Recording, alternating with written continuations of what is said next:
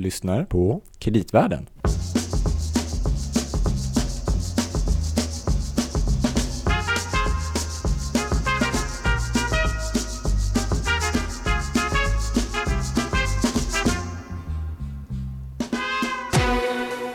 Live from New York, coming up, UBS agreeing to take over Credit Suisse for 3 billion. First Republic slides following another downgrade, leaving Chair Powell to confront a difficult decision. Ja, det här är Kreditvärlden, en podd om finansiella marknader, men med fokus kanske på kreditmarknaden. Och jag heter Gabriel och du heter? Louis. Mm. Louis, det känns ju verkligen passande att vi spelar in ett avsnitt nu så här Mm. just idag. Mm. Eftersom vi fick ju ändå en påminnelse igår om hur skört liksom, det samhälle, vårt samhälle är och hur viktigt det är att vi agerar snabbt när det händer någonting. Ja, precis. För att igår eh, kom ju IPCC med en ny eh, rapport som visar att den här globala uppvärmningen är uppe i 1,1 grader och att nu måste vi verkligen ta in ja. krafttag för att nå 1,5 grader. Ja, just det. det, det så var det. Och det är ju viktigt och vi pratar ju ganska mycket om, om klimatförändringarna och sånt i den här podden, men det var inte det jag tänkte på nu. Nej, okej. Nej, Har det hänt andra grejer? jag tänkte på den här bankkrisen som rasar Mhm. framför Ja, det är ögon. också, du har rätt. Det är också på samma tema, ja. Ja, och kanske, kanske ännu lite mer på kreditvärldens tema. Så jag tänkte Mm. Det är ett ursprungstema för kreditvärlden kan man säga. att, ja, vår raison Tillbaka till eh, rötterna. Ja, precis. Raison Mm. är rötterna. Nej, men eh, vi funderar på om vi ska eh, försöka göra en liten recap kanske på vad som har hänt den här senaste par veckorna. Det känns som att det kan behövas. Mm. Sen är det väl alltid risk att det hinner hända hundra grejer till Mm. eh, efter vi har spelat in det här. Men det får vi väl, vi får väl göra ett nytt avsnitt sen då. Ja, det finns nog mycket att grotta i och även en del kanske strukturella frågor. Mm. Ja, men det, om är vi ska... många, det är många teorier som testas Mm. kan man säga. Men vi kanske ska fokusera lite på eh, försöka reda ut vad det är som har hänt egentligen. Det tycker jag låter bra. Men vi brukar ju säga så här, i, du vet i kreditvärlden, brukar Mm. vi säga så här, vi tar det från början. Ja, okej. Ja. Mm. Men det ju oftast så- då går vi så långt tillbaka i tiden. Ja. Och det känns som att nu kanske det räcker med att vi går ett par veckor tillbaka i tiden. Eh, det är väl en bra tidspunkt att börja tror jag. Mm. Eh, för det var egentligen då som det här blev en, ett allmänt fenomen. Ja, men jag tänkte säga, det började ju lite grann i USA. och förlåt. Och jag menar, Gabriel, du har satt in rätt väl i de här sakerna som har hänt bland de amerikanska bankerna. Så vi kanske skulle börja med Mm. det här med Silicon Valley Bank. För Mm. det var väl lite grann där det började, var det inte så? Jo, det kan man hävda, absolut. Eh, vi kommer tillbaka sen till Credit Suisse som var allra senast och det egentligen har vi pratat om under lång tid. Mm. Men Silicon Valley Bank, det dök ju upp eh, kanske lite plötsligt för många eh, på, på näthinnan. Och det, det är ju alltså en amerikansk, vad ska man säga, en mellanstor bank. Ja. Alltså i USA så har vi ju, Vad pratar vi för storlek om det jämfört med någon nordisk bank? eh, ja men den här Silicon Valley Bank, den, eh, nu har ju deras balansräkning förändrats ganska snabbt. Men om vi tittar på eh, 2022, slutet av 2022 så var det med drygt 200 miljarder dollar. Mm. 210 eller något sånt där. Vad ska vi jämföra med då? Om vi tar Swedbank som är en av Sveriges fyra största Mm. banker eh, så har de ju en balansräkning på cirka 2,8 eh, 2800 miljarder svenska kronor. Så det är inte så långt ifrån då? Ja, det är ungefär ganska likt faktiskt. ja. Eh, men det, är man, ingen, det är ingen jätteliten bank helt enkelt, kan Nej. konstatera. nej, nej det kan, så är det. Nej. men om man tittar på en lista över amerikanska banker Mm. eh, så är det ju liksom ett antal, två, tre, fy, två, fyra kanske, Mm. som är riktigt stora med, med alla tillgångar runt två eller över eh, tusen miljarder dollar. Mm. JP Morgan är störst, 3000 miljarder dollar ungefär. Det är ju Ja, det. väldigt jo, stort. det är då. några viktiga jättar där. Ja, precis. Men Silicon Valley då, eh, de kommer liksom först på plats 15, 16, 17 i en sån här lista. Mm. Ja. Så det säger ju att eh, förutom de här fyra stora så finns det väldigt många så här mellanstora som man säger i USA, men de är svenska mått med ganska stora banker. Och det kan man väl också säga, den kategorin bank, de är lite lättare reglerade. Ja, eh, efter förra finanskrisen, det finns ju mycket kreditvärdenavsnitt om regleringar och finanskrisen och vad som har hänt eh, som man kan lyssna på om man vill. Det, eh, så, så infördes ju ett antal eh, liksom egentligen internationella överenskommelser för att finanskrisen 2008 visade ju att med all önskvärd tydlighet att det finansiella systemet är globalt. Det finns de som menar att det alltid varit det och hänvisar till romarrikets fall och sånt. Men, eh, och därför behöver man ju komma överens om spelreglerna internationellt. Och då var det ett antal överenskommelser som skulle implementeras i nationell lagstiftning. Mm. Och i, eh, i, i, i Europa så har det bland annat lett till resolutionsregler, Ja. hur man ska avveckla en bank som krisar eh, och eh, massa olika krav på kapitaltäckning och sånt.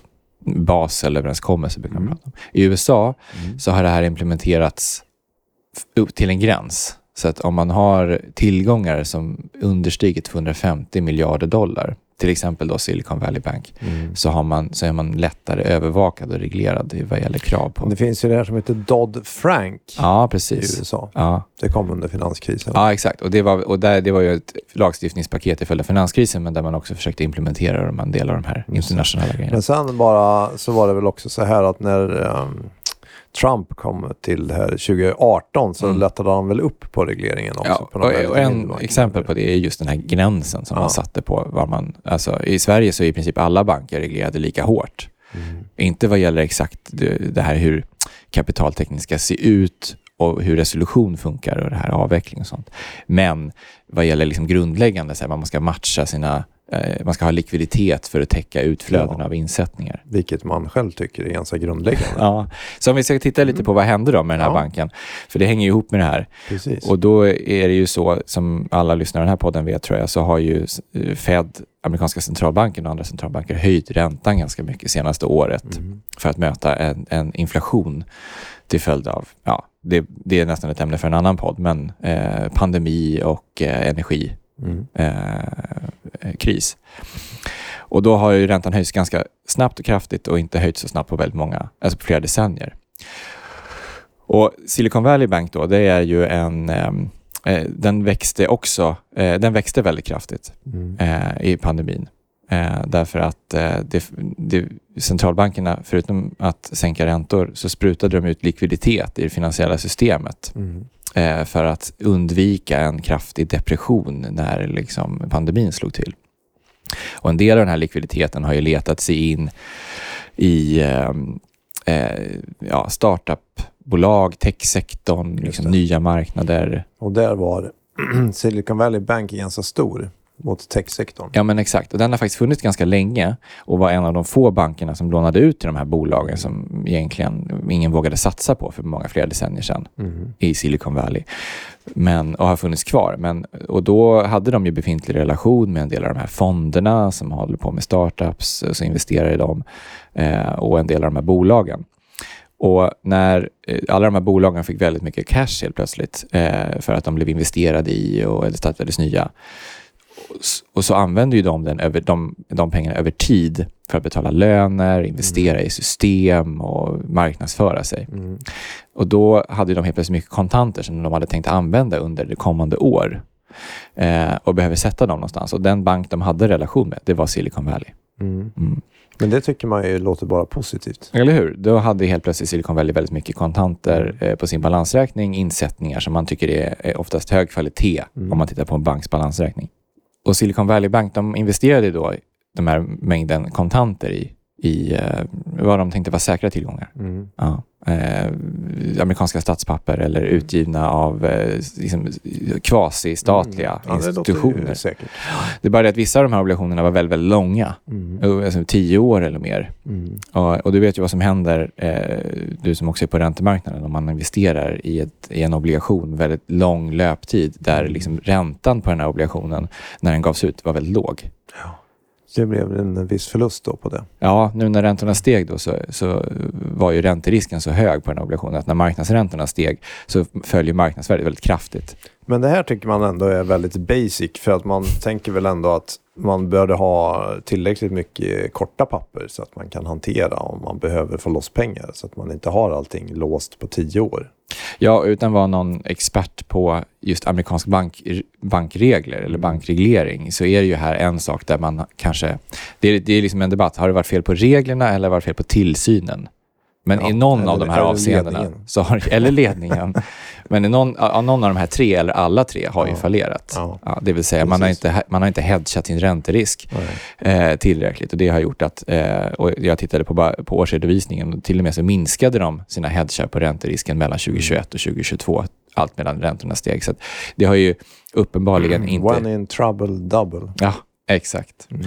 Nej, men, och, om vi snabbt spolar fram då till för ett par veckor sedan så, så hade man ju helt enkelt uppdagat att man hade så stora förluster på, sin sån här um, portfölj av obligationer som enligt bokfördes som att de skulle hållas till förfall. Mm. Men eh, i kombination med att man hade börjat få en del utflöden av insättningar. Och vad som startade först, det är svårt att säga. Nej, men då kan man också tänka sig att de här techbolagen var inte lika liksom överbelastade med likviditet som de var under de här goda åren. Och nu behövde man få loss pengar. Och då kom man väl till banken och, Mm. och det kanske blev ett större likviditetstryck än vad man Ja, hade exakt. räknat med såklart. Det Och då så behöver den här banken realisera helt enkelt, Mm. sälja en del av de här tillgångarna Ja. som är med förlust. Och då helt plötsligt står man där med ett hål i sitt kapital. Alltså man behöver ju Mm. täcka den förlusten. Och då eh, hade man en plan Mm. som man lanserade på onsdagen där. Just det. ehm, att, eh, att återkapitalisera sig genom att ge ut nya aktier Mm. eh, som skulle täcka de här förlusterna som man har gjort på obligationer för att möta de här insättningsutflödena. Men det där följer ju inte så väl ut. Eh, det blev ju en motsatt effekt skulle man kunna säga. Just det. Och då gick det väldigt fort. Och via, som du har noterat mycket, sociala medier. Att man, Ja, alltså, och det är väl det som, vi ska inte fastna för länge vid den här banken, men det som man kan notera är att 95 procent ungefär av insättningarna var ju över insättningsgarantigränsen. just det. Så det var ju koncentrerat till... Men det är ändå en ganska viktig poäng. Det är koncentrerat till ett, ganska, liksom ett antal insättare. För i USA så har man upp till 250 000 dollar så är det staten som garanterar liknande system som vi har här i Sverige. Och Här är det Europa. 100 000 ja. euro. Då. Ja, precis. Mm, Så det är en ganska hög gräns. Ja. Ja, men så då förstår man att det är ett, det är ett ganska begränsat antal eh, bolag som har investerat. Mm. Och de... Eh, eh, och, de och, och det, är liksom en det verkar vara en liten krets människor också. Mm. Och det är lite samma bolagfonder och så börjar de prata med varandra och så skrivs det mycket på Twitter och då Mm. eh, och, och man uppmanar, man är liksom så orolig för att ens, eh, och man har egentligen inte, man kanske inte kan bankreglering eller liksom har någon koll på finansiella kriser i historien så att helt plötsligt så blir det en enorm press Mm. på att ta ut sina pengar snabbt, Ja. först ut genom dörren. Eh, och det där accelererar under torsdagen eh, och på fredagen så stänger då helt enkelt amerikanska insättningsgarantifonds, alltså myndigheten, ner. Eh, Precis, och det här det är för bara drygt tio dagar sedan. Alltså. Så det här är ju Mm. det är inte så länge sedan. Och det som hände då var att eh, på söndagen så, eh, så var det mycket spekulationer under helgen. Och, Mm. eh, det, det sägs ju att, att det blev som det blev också för att det hotades med att det skulle bli en, systemis, en systemkris. Ja, men exakt. För att det här, då tänker man först, det här är bara en bank och det här låter som att ledningen har verkligen inte haft koll. Det här borde vara ett ganska isolerat fall. Men sen var det ju en annan bank som dök upp också, här, den här Signature Ja, Bank, precis. ungefär i samma veva där, eller hur? Ja, och den är också en av de här mellanstora. Den är ungefär exakt lika stora som Silicon Valley. Mm. Eh, och de har ju ja, en annan, en lite annan profil. Eh, men eh, det är lite samma, samma tendens med att det är stora insättare som har satt in pengar. Ja. Den här är lite speciell för att en del, de har liksom under 2021-2022 har de accelererat sin exponering mot kryptomarknaden. Mm, det låter riskabelt. Alltså att i november så var 23 procent av den här bankens 100 miljarder i insättningar relaterade till kryptomarknaden. Oj. Men Ja. inte i kryptovalutor utan Jo, men alltså det... pengar från krypto. Ja, precis. Alltså, Ja. man, man, man har liksom tagit insättningar för, människor, för de här eh, plattformarna som Ja, med just det, gör just handel med krypto. Mm. Och, eh, så att, och, och gissningsvis så var det så att under helgen där så flaggade Signature för att vi ser också stora utflöden. Ja, okej, det- precis. Och, då, och därmed kan man säga, då har vi, inte sett är en bankkris, men då är, det, då är det mer än en bank. Och det är två, då blir man som myndighet nog, nog ganska stressad. Ja. Och därtill då den här pressen som, Mm. jag vet, det är svårt att säga vad människor sa till varandra i, i, i USA och i stängda rum, men det försöktes ju hävdas offentligt och skrevs mycket om att det här kommer bli en systemkris för USA om man inte räddar Ni de här. röra- och då, det här skrevs av de som hade mycket pengar i Ja men exakt. Ja. Och hela den här startup-fond, liksom, Ja. eh, ekosystemet. De är ju väldigt pro statliga interventioner annars. ja, eller hur? men försökte hävda att de, liksom, de är systemiskt viktiga och det kommer krascha Ja. en hel sektor. Liksom. Mm. Eh, så då, fick, då gjorde Fed, eh, eller eh, amerikanska myndigheter samlat då, en, eh, menade att här, de gjorde ett systemriskundantag. Och Ja, det är ju intressant. För de, de egentligen var ju inte klassade som systemviktiga. De, De var inte klassade Helt som plötsligt så systemviktiga. blev de tydligen det. Och egentligen eh, så kan man ju, om man eh, kanske säger man för mycket, men det, det fanns ju inte så många kopplingar med andra banker. Nej. Alltså om man tänker på 2008 så var mycket problemet att det fanns många oklara kopplingar mellan bankernas balansräkningar genom Ja, olika eh, precis. verktyg. Det, det fanns ju inte mellan Silicon Valley Bank. Den, var ju, den hade ju en balansräkning med insättningar Ja. och tillgångar som Ja. inte kopplade till andra banker. Nej. Så att systemriskklausulen måste ju vara kopplad till att man såg liksom, eh, riskerna för ekosystem, alltså branschen av startupbolag och Mm. risken för att man, man kommer behöva säga upp människor. Alltså en mer ehm, konjunkturell systemrisk. Mm.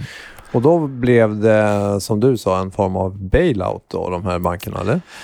Ja, ehm, det beror på. Det, det finns de som hävdar att inte- ja, det måste väl ändå sägas vara en bailout. Det här var ju ändå... Med inslag av bail-in. 95, de här 5% de här 5 procenten insättningar som var försäkrade, de behövde ju inte vara oroliga för att där fanns ju den här insättningsgarantifonden redan. Mm.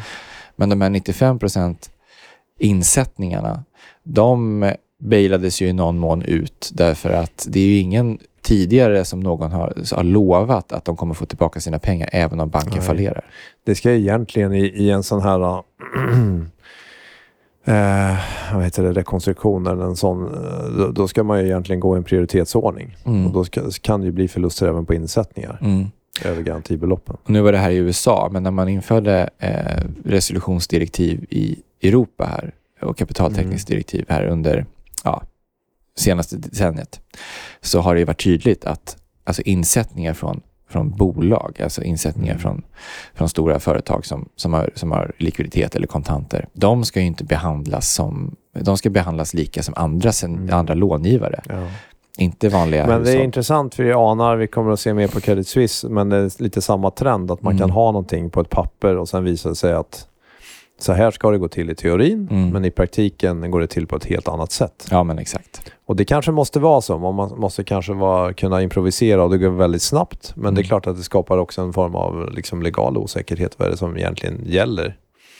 Det vet jag inte riktigt. Nej, och jag lyssnade på eh, hon, hon som var chef för eh, amerikanska insättningsgarantimyndigheten under finanskrisen. Mm. Och hon menade ju att eh, det, hade, det, här- man hade kunnat lösa det på ett annat sätt, alltså så som det är tänkt.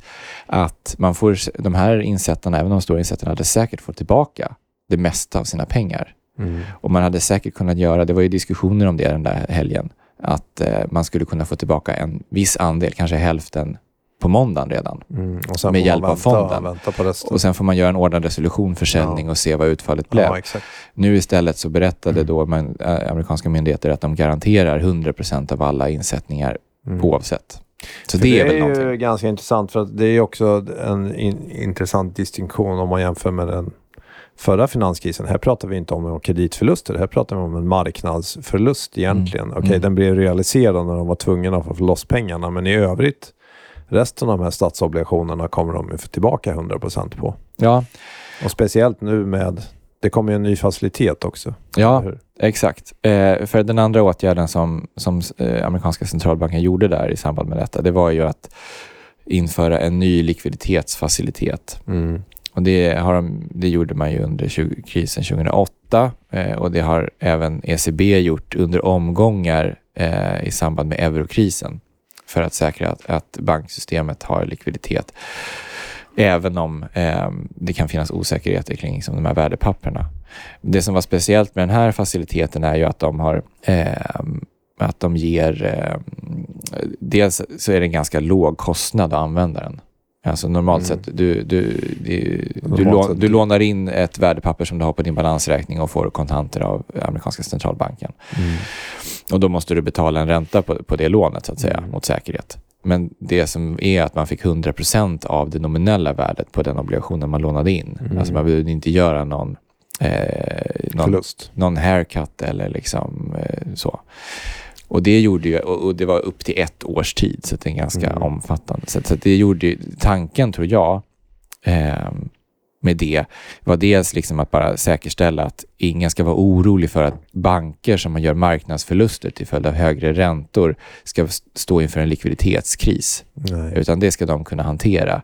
Vi måste höja räntorna för att säkra att vi liksom, eh, bekämpar inflationen. Och då kan inte en följdeffekt vara att kriser går omkull. Så det var väl liksom... Mm. Och jag, jag tänkte spontant att det var för att man ska kunna fortsätta höja räntor, men det är liksom en annan diskussion. En stor diskussion i sig, vilket är rätt intressant och det beror på hur det här utvecklas också ska sägas. Ja. Men, men då kan man konstatera att du har den här insättningsgarantin, du har den här faciliteten. Det är egentligen extremt aggressiva stödåtgärder, eller, om man ska, eller generösa eller vad man ska kalla det. Då. Och ändå och, så... sam, och samtidigt så Ja. var det väl så att aktieägarna då, de fick i alla fall en förlust, eller hur? Ja, precis. Så där fanns ju några Ja. som... Och För det var ju ändå en viktig att man ska visa... Det, var, det här har ju också varit mycket dis diskuterat att de som har investerat i en bank ska också få stå en förlust om det händer någonting med banken. Ja, eller och, och, och, och Joe Biden var ju ute där på måndagen Mm. och höll något eh, kort konstigt litet tal tänkte jag säga. Som vanligt. nej, ja precis. nej, men och då var en viktig poäng där att, eh, i hans talepunkter att inga skattepengar ska gå ska riskeras för att rädda den här banken. Känns som en sanning med modifikation. då. Ja, och eh, det är ju den som har jobbat med att hantera bankkriser. Det har inte du och jag gjort, men vi har ändå pratat med en del som Mm. har gjort det. Och då får man ju inte darra på manschetten kring att myndigheten är redo att göra det som krävs. Just det. Vi pratade med Bo Lundgren eh, i ett tidigare Mm. avsnitt av podden och då sa han ju att man vinner ju inga val på att klara upp finanskriser. Men det måste göras. Ja, Ja. nej precis. Så det var väl en del. Ja. Nej, jag ska bara, sen så fortsatte ju det här förra veckan med en till bank trots allt det här. Ja, tr- för trots att de satte in de här sakerna så det lugnade inte riktigt ner sig. Nej. Men innan vi börjar prata om det, vi hade ju ett klipp kring det här Signature Bank. Just det. Eller hur? Mm. Det här måste vi ändå lyssna på. Det är nästan lite som en eh, förutsägelse, säga. Mm. Ja, ni får höra. Kuslig. Look, the only way we're going to do this thing is if we start a bank from scratch. From scratch? You gotta be kidding. How in the world do you do that? Is there a book, How to Build a Bank for Dummies? All we have to do is apply to 19 federal and state banking agencies. Wouldn't it be easier just to go out and buy a bank? We looked at that, but the prices are too expensive and we'd be stuck with all their legacy So issues. we have to make our own mistakes. But then we'd have nobody to blame but ourselves. We'd have nobody to blame but ourselves. Well, that is the stupidest thing that I have ever heard. We're sick of the stank of the big mega banks, so we'll start one. It's absurd. What a terrible proposition, like convincing the world to eat kale. What possible fate will become of our bank other than to diminish and fail? I happen to know for a fact that won't happen Seriously? Why not? because We'll start signature, yeah, signature. Det här låter som en musikal. ja, ja, jag önskar vi kunde spela ihop hela, men eh, Man ja. kan lyssna på det själv, eller hur? mm, vi kan lägga en länk i anteckningarna Mm. till, till avsnittet. Nej, jag vet inte vad man ska säga om det. Det är ju eh, någonting med att... Eh, ja, jag vet inte. Det är väl kanske en... Eh, Man blir lite mer positiv mot Signature Bank när man hör det här. ja. Ja, en till anekdot om den är ju då att eh, han var inte med i den här filmen. Ja, Men- det hade ju varit något. Ja, det hade varit något. Men eh, för detta amerikanska eh, ledamoten i representanthuset, Barney Frank. Du nämnde ju Dodd Frank. Frank, ja. ja. Så Frank, som var med och liksom tog fram, demokrat, tog fram den här lagstiftningen om Mm. bankregleringar. Han har sedan 2015 suttit på Signature Banks styrelse. Där ser man. Gör det fortfarande. Ja, Ja. ja, det är lite fascinerande. så att... ehm, Får se vad hans eftermäle blir nu då. mm. Jaha, men då var det den här First Republic Bank då. Och då är det ytterligare en nischbank här som då har vissa likheter med de här andra två. För det är ju så det brukar vara, eller hur? Man Ja. Alltså den stora likheten är väl att de har mycket insättningar som har eh, varit över insättningsgarantigränsen. Mm. Eh, möjligen en likhet, de äger inte så mycket statsobligationer som har fallit i värde. Däremot verkar de ha mycket långiv, alltså mycket Mm. utlåning. Även mot fastighetssektorn tror jag. Ja, men precis. Och där, som också har liksom i lång i duration, eh, Mm. som också i princip har förlorat marknadsvärde om man ska marknadsvärdera lånen. Ehm, så att det finns lite likartade eh, utmaningar där. eh, och det är klart att delvis så finns det ju paralleller till här, liksom att man har haft en lång period av väldigt låga räntor. Och eh, kommersiella fastigheter, det är ju ändå en del av, eh, Ja. viktig liksom del av hur deras affärsmodell funkar. Att när räntorna är låga så kan man höja värderingarna.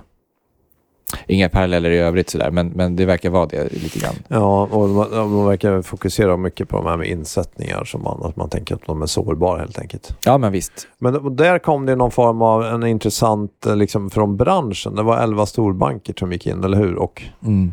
Egentligen stoppade in insättningar. Va? Ja, 30 miljarder insättningar. Mm, 30 miljarder dollar. Men eh, utflödet eh, verkar ju fortsätta, trots detta. Det är ju också en ganska... In, alltså, jag, jag tycker att på sätt och vis kan man säga att det här var en smart grej. Att branschen vill visa att man eh, tar hand om problemen själv. Mm. eh, ställer upp med egna pengar. Å andra sidan, om man sätter in insättningar som i alla, i alla fall i den här banken än så länge är då inte garanterade, så tar man ju risk. Mm. Eh, och man har ju inte egentligen stärkt banken med nytt kapital, vilket man skulle kunna tänka sig att det kanske hade varit bättre. Mm. Så nu förstår jag att det pågår sådana diskussioner kring om man ska omvandla de här pengarna till kapital istället i banken. Mm. Men det här är väl helt enkelt någonting som kommer att spelas ut relativt snart. eh, Någon form av Ja, Räddningsåtgärd kanske. kanske innan den här, det här Ja, avsnittet I ens alla har fall i, när vi spelar in det här eh, tisdag så igår så följer bankens aktie med ytterligare 50 procent. Så att det här går det undan i svängarna. Ja, men exakt. Jaha, men så lite inte, oklart om den här am- amerikanska bankkrisen är över eller inte då egentligen. Nej, det, det är mycket som är i spel och det finns som sagt väldigt många sådana här mellanstora banker. Det finns många nu som skriver att så här, ja, men det här är inte som vi, vi sa förut, det är inte ett systemiskt problem egentligen. Så länge som insättarna har fortsatt förtroende för den amerikanska banksektorn eller globalt så, så finns det inget pro- problem eventuellt därför att det verkar inte vara som du sa, det är inte kreditriskproblem på de här bankerna utan det är ju en fråga om eh, hur man kan hantera de här ja, bokföringsmässiga förlusterna som inte ens egentligen tas upp till.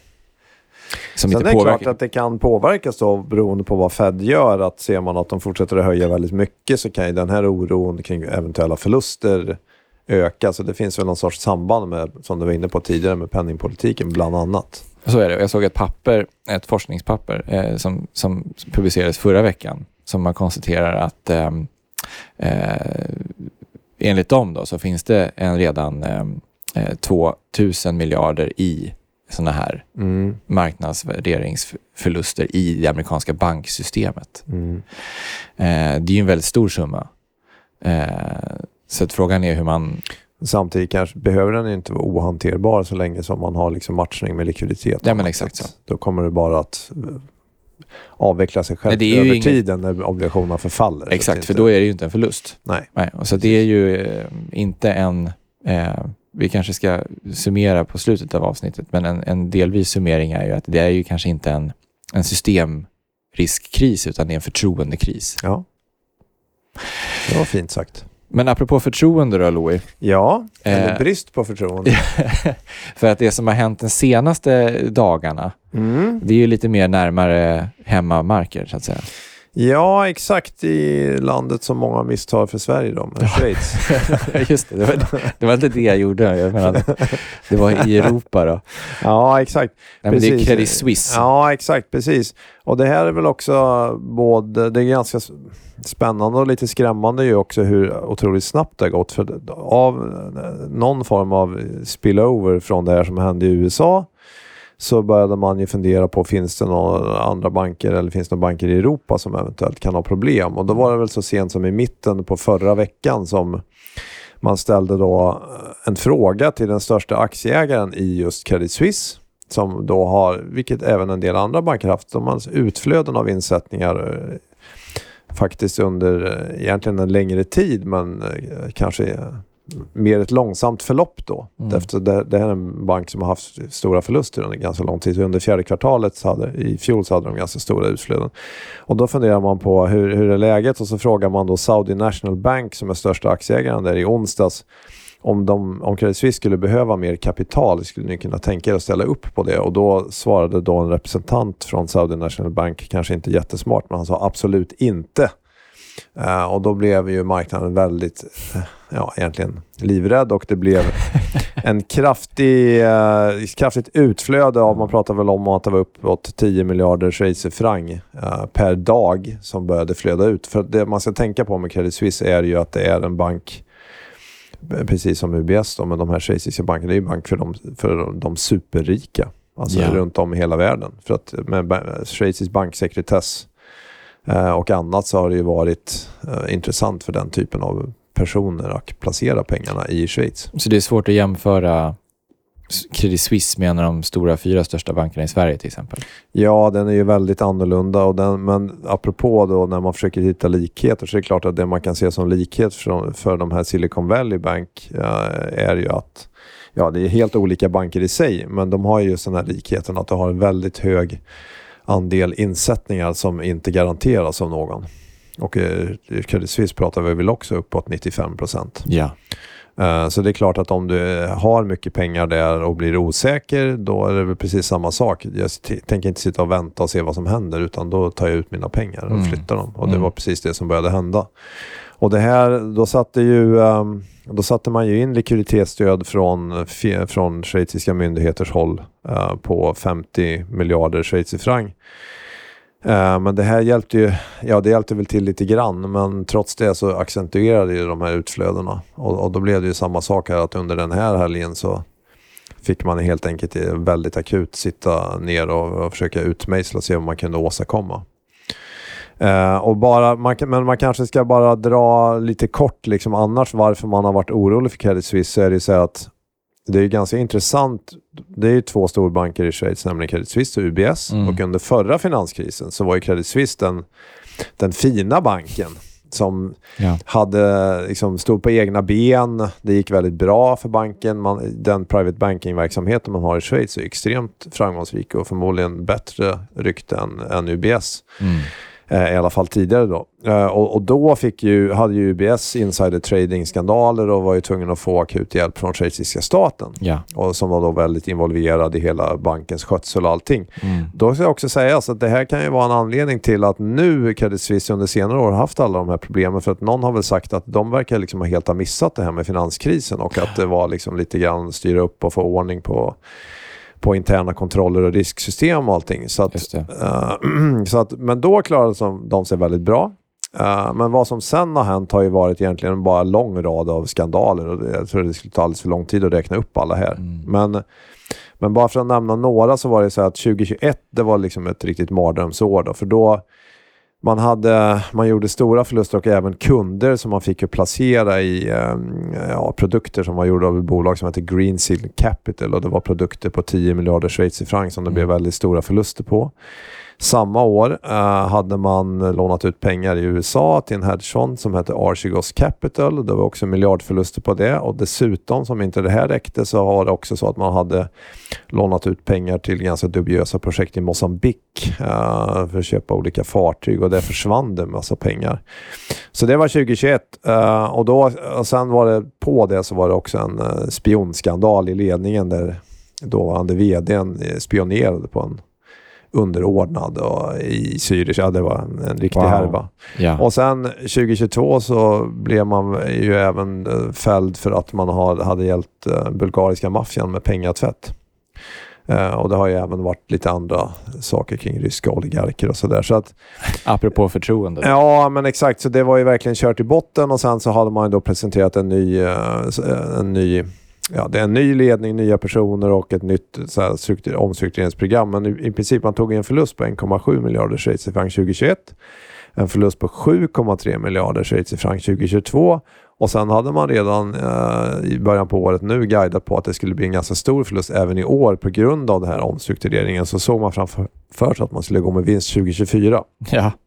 Så det här, lärdomen av det här är väl att är man i den situationen med en räcka förluster bakom sig och den här typen av insättningssårbarhet så, så är man ju just, ja man är väldigt helt enkelt sårbar när det blir, när det blir svajigt på marknaden. Sen ska man ju komma ihåg förvisso att, att balansräkningen var i ganska bra skick. Man har ganska nyligen då med bland annat stöd av de här Saudi National Bank tagit in 4 miljarder schweizerfranc i nytt kapital. Mm. Så att när du titt- det här, och det här är ju lite läskigt att du tittar på pappret i eller bokföring och så vidare, så har banken en stark kapitalisering och även en god likviditet. Och det här är en, det här är ingen nischbank, det här är en övervakad bank. Det är väldigt höga krav på likviditet och, och kapital. Ja, men så kallad systemviktig institution. Ja, exakt. Och ändå då så blir den här oron. Och, eh, och vad, vad som då händer, och här tror jag väl också från schweiziska myndigheten, man ser väl inte så stort val. Vem finns det som en nat- eh, säger, naturlig uppköpskandidat här? Ja, du kan ju fråga runt i Europa naturligtvis, men det, Mm. du har in, inte mycket tid. Så ligger UBS naturligtvis nära till hands. Så Ja. det blir en schweizisk lösning här. Ja, 20 meter brukar de säga. Ja, det, båda har ju huvudkontor på Paradeplats i Zürich, så Ja. det, det ligger på samma ställe. Liksom. Så det, det är nog många som känner varandra. Mm. Eh, men så, så vad man gör det är egentligen att du slår ihop, eller ja, UBS köper helt enkelt eh, Credit Suisse för man får väl kalla en spottstyver på sätt och vis, då, 3,25 miljarder eh, dollar. Och då ska man ju tänka på att UBS har totala tillgångar på till ungefär 1100 miljarder dollar och Credit Suisse ligger på 575 miljarder. Mm. Så de är ju mindre, men det är ändå två storbanker och det blir ju en gigant. Mm. Vilket i sig är rätt intressant att fundera på för att du har ju dels egentligen vad är det med konkurrens. Eh, där båda bankerna idag konkurrerar ju i alla större städer i Schweiz men nu får du bara en, en bank på varje ort. Men är det så att Credit Suisse var mer inriktad mot de här internationella, rika, liksom privat, eh, private banking-kunderna eller? Ja, För vi, det var ju någon siffra om att 95 procent av, ja exakt så. precis som med Silicon Valley Jo. Bank, så var 95 procent av alla insättningar över insättningsgarantin. Ja, I och för sig lägre i Europa då, men ändå. Precis, Mm. Nej, men absolut så. Mm. Men, eh, men sen så blir det också så att här, den här nya storbanken blir ju så, absolut, så stor så att man undrar hur, om den får problem, hur kommer det att gå för schweiziska myndigheter att hjälpa till? Ja, Den får väl den, liksom. över 50 procent av schweiziska bankmarknaden, Mm. beroende på hur man Ja. räknar. Då, liksom. Så här har du också så att man egentligen, det, det kan bli säkert vissa saker man måste sälja, men ändå är det ju väldigt mycket så här regler man tänjer på vad gäller konkurrensregler och, Mm. Och annat. Och det var, sen var det ju också att normalt sett ska ju en sån här affär godkännas av UBS aktieägare, men då hade man ju, ändrade man på lite sådana regler så att man kunde godkänna det här också över helgen. Ja. I, i, I Eh. praktiken ändrade man väl lagar för liksom, Ja, på något snabbspår. Mm. Och sen då, sen är det ju mycket stöd så att man sätter in en förlustgaranti från schweiziska staten på 9 miljarder, upp till 9 miljarder uh, Mm. schweizerfranc. Då, dock ska sägas att det, den kommer efter att UBS kan ta en förlust på upp till 5 miljarder. Då, men det Mm. finns där så mycket. Och sen har man ykt, olika likviditetsgarantier på 100, ja, 100 miljarder schweizerfranc plus eventuellt ytterligare 100 miljarder. Så Ja. att, väldigt, väldigt mycket. Men sen det som har varit väldigt debatterat nu, det har ju varit då att Credit Suisse hade ju nästan 16 miljarder schweizerfranc i här kallade AT1 juniora obligationer Mm. i sin kapitalstruktur. Och de skrev man ju ner till noll. Mm. Samtidigt då som aktieägarna faktiskt får någonting. De får de här 3,25 miljarderna. Mm. Eh, och då här är det I ju, precis. Ja, exakt. Mm. Och här är det ju många som har blivit upprörda och sagt att så här ska det väl inte gå till att aktieägarna får pengar men de som har den här obligationen som ändå borde vara lite högre i kapitalstrukturen får noll. Mm. Så här efter det här så har ju europeiska bankmyndigheterna varit tvungna att gå ut och klargöra att vi stödjer det här men ni ska veta att skulle det här ske i Europa så skulle det inte gå till på det här viset. Då Nej. skulle vi följa en resolutionsordning och då finns det en prior- prioritetsordning. Och det, och det stämmer men enligt så som det är skrivet då i, i schweizisk bond, i obligationsdokumentation för de här obligationerna så har myndigheterna den här möjligheten att göra det här i, när de går in med statsstöd. Och det här är ju inte en resolution då, utan man kan ju kalla det för en form av frivillig uppgörelse. Även, ja, sen, sen att man liksom har hård press på alla att komma överens. Men det är ändå liksom en, inte en formell resolution. Nej, just det. Och då menar man på att man kan göra det undantaget. Men man kan väl säga att eventuellt att det här var lite olyckligt att man inte gav någonting till de här innehavarna av de här. Men Gabriel, du har ju lite koll på de här AT1-instrumenten. Jo, det har jag. Ehm, men det som de verkar hävda då i det här schweiziska, innan vi går in på vad en AT1 egentligen är, tänkte jag säga, det är ju att hade man eh, inte kunnat sälja den så hade de ju gått Ja, då hade de blivit insolventa. Ja. Det är väl det de menar, att då hade exakt den ju så. gått i konkurs. Mm. ja, och sen ska väl sägas att hela syftet med den här typen av juniora instrument är ju för att kunna absorbera förluster. Ja. Helt enkelt. Ja. Eh, Ja, så det ska ju vara som en, en kudde som Ja. ska finnas där för, för de som då återigen är längre upp i kapitalstrukturen, till exempel de som har insättningar i banken. Och då, eh, vi pratade ju förut där om det här med de här eh, icke-garanterade insättningarna som ändå garanterades nu i USA. Och att när man liksom på, på ritbordet skisserade upp teoretiskt hur borde man göra sånt här resolutionsförfarande eh, förfarande? Eh, Och hur ska man tydliggöra i vilken ordning som man måste ta förluster om det är så att en bank... Och då ligger ju de, de garanterade eller de så här, så här, under garantigränsen försäkrade i princip Ja. insättningarna i, i Europa då under 100 000 euro. De flesta av våra som man träffar, som man har på banken, eh, sitt konto, det är ju det, faller under det. De ligger ju överst och kommer, ska aldrig liksom drabbas av en kris i en bank. Nej. Liksom, principen Nej, är väl precis. att man, man ska inte behöva göra liksom en kreditrisk-analys när man ska sätta pengar på sparkontot, utan liksom, eh, sparpengar eller liksom likviditet som Mm. man behöver betala med, det är något annat än en investering. Och, sen, men sen, och då i, på ritbordet har man ju ändå ritat in då, som vi sa, eh, andra insättningar jämför, jämbördes med andra långivare. Alltså de som fonder och andra som köper seniora obligationer förväntas ju ändå göra någon slags analys av kreditrisken. Eh, och sen då är ju tanken efter finanskrisen, då har ju eh, myndigheter, eh, framförallt i Europa, med vilje och med mening infört de här nya instrumenten. De här AT1 och även tier 2-obligationer finns det ju någonting som heter. Det är ju ingenting som marknaden egentligen kommit på, utan det är ju reglerare som har sagt att så här, ni behöver bygga upp en ny typ av kudde eller jag frågade faktiskt den här ChatGPT vad som är en bra metafor för det här och då sa den brandvägg. Men det är ändå någonting man bygger ja. upp förstår. men som ska kunna brinna ner Mm. och skydda det som är Ja, värt att just det. skydda där Ja, bakom. just det. Ja, Mm. Ja, Ehm, inte så dum metafor kanske. Nej, kanske inte. Men så att tanken att det skulle vara som en brandvägg, så att om det kommer en kris Ja. så ska man först skriva ner aktiekapital Mm. eh, till noll Mm. och sen betar man sig uppåt och då ska de här komma först. Sen är ju AT1 lite speciella för vissa är ju sådana här COCOs. Mm. Det betyder att det finns liksom olika i dokumentationen att om eh, och, då, i, och då har man väl tänkt sig en, en bankkris i slow motion. Mm. Att Precis. om man ser då att det bokförda värdet på tillgångarna minskar det, så att eh, aktiekapitalet inte längre går upp, når upp till vissa liksom, eh, ratios, eller så att säga aktiekapitalet blir för liten del av balansräkningen, eh, för det är det man äter upp först. Då så ska de här COCOs skrivas av eller konverteras till aktier och sånt där. Ja, vilket innebär att i de fallen så kan det bli en förlust på dem innan det blir det på aktiekapitalet. Ja, men så är det ju. Så att de, de frångår ju på så vis den här vanliga prioritetsordningen. Så är det ju. Däremot i en resolution så ska man gå i en viss ordning. Exakt. Men, men, det som jag tror också har upprört ganska många i det här fallet, det är ju, och det är väl det här som är kanske lite läskigt vad gäller liksom värderingar på banker, så, det är ju att man säger så här, ja men mitt värde på det här blev noll, men Mm. de facto var det ju så att den här banken hade ju 45 miljarder i, i aktiekapital. Mm. Så det fanns ju värden i banken. Men uppenbarligen, men det, det, det som händer, det är väl det som är det här tydliga här, det blir en väldigt stor osäkerhet i den här typen av situation. Om myndigheter är inblandade så kan i stort sett vad som helst hända då. I alla Ja. fall i Schweiz. Precis, det är liksom en parallell finansiell verklighet. Ja. Ja, och man, det, är ju, det här är ju liksom, nu är det Financial Times som skriver det, men det sägs ju också att det här var lite grann av en sweetener för att de här aktieägarna skulle gå med på att inte få vara med och besluta om det här. Att Ja. det var Nej, liksom men under helgen en slags Ja, del av absolut. dealen. Mm. Mm, så är det ju.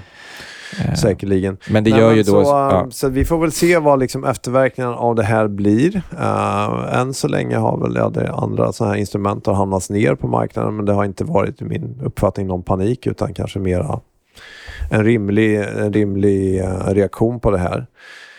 Men det gör ju där- att en banks genomsnittliga finansieringskostnad går upp, vilket ju borde påverka värderingarna på banken. Exakt, för det var det jag tänkte. Som, om man nu resonerar kring vad kan bli nästa Mm. steg av de här sakerna som nu har hänt.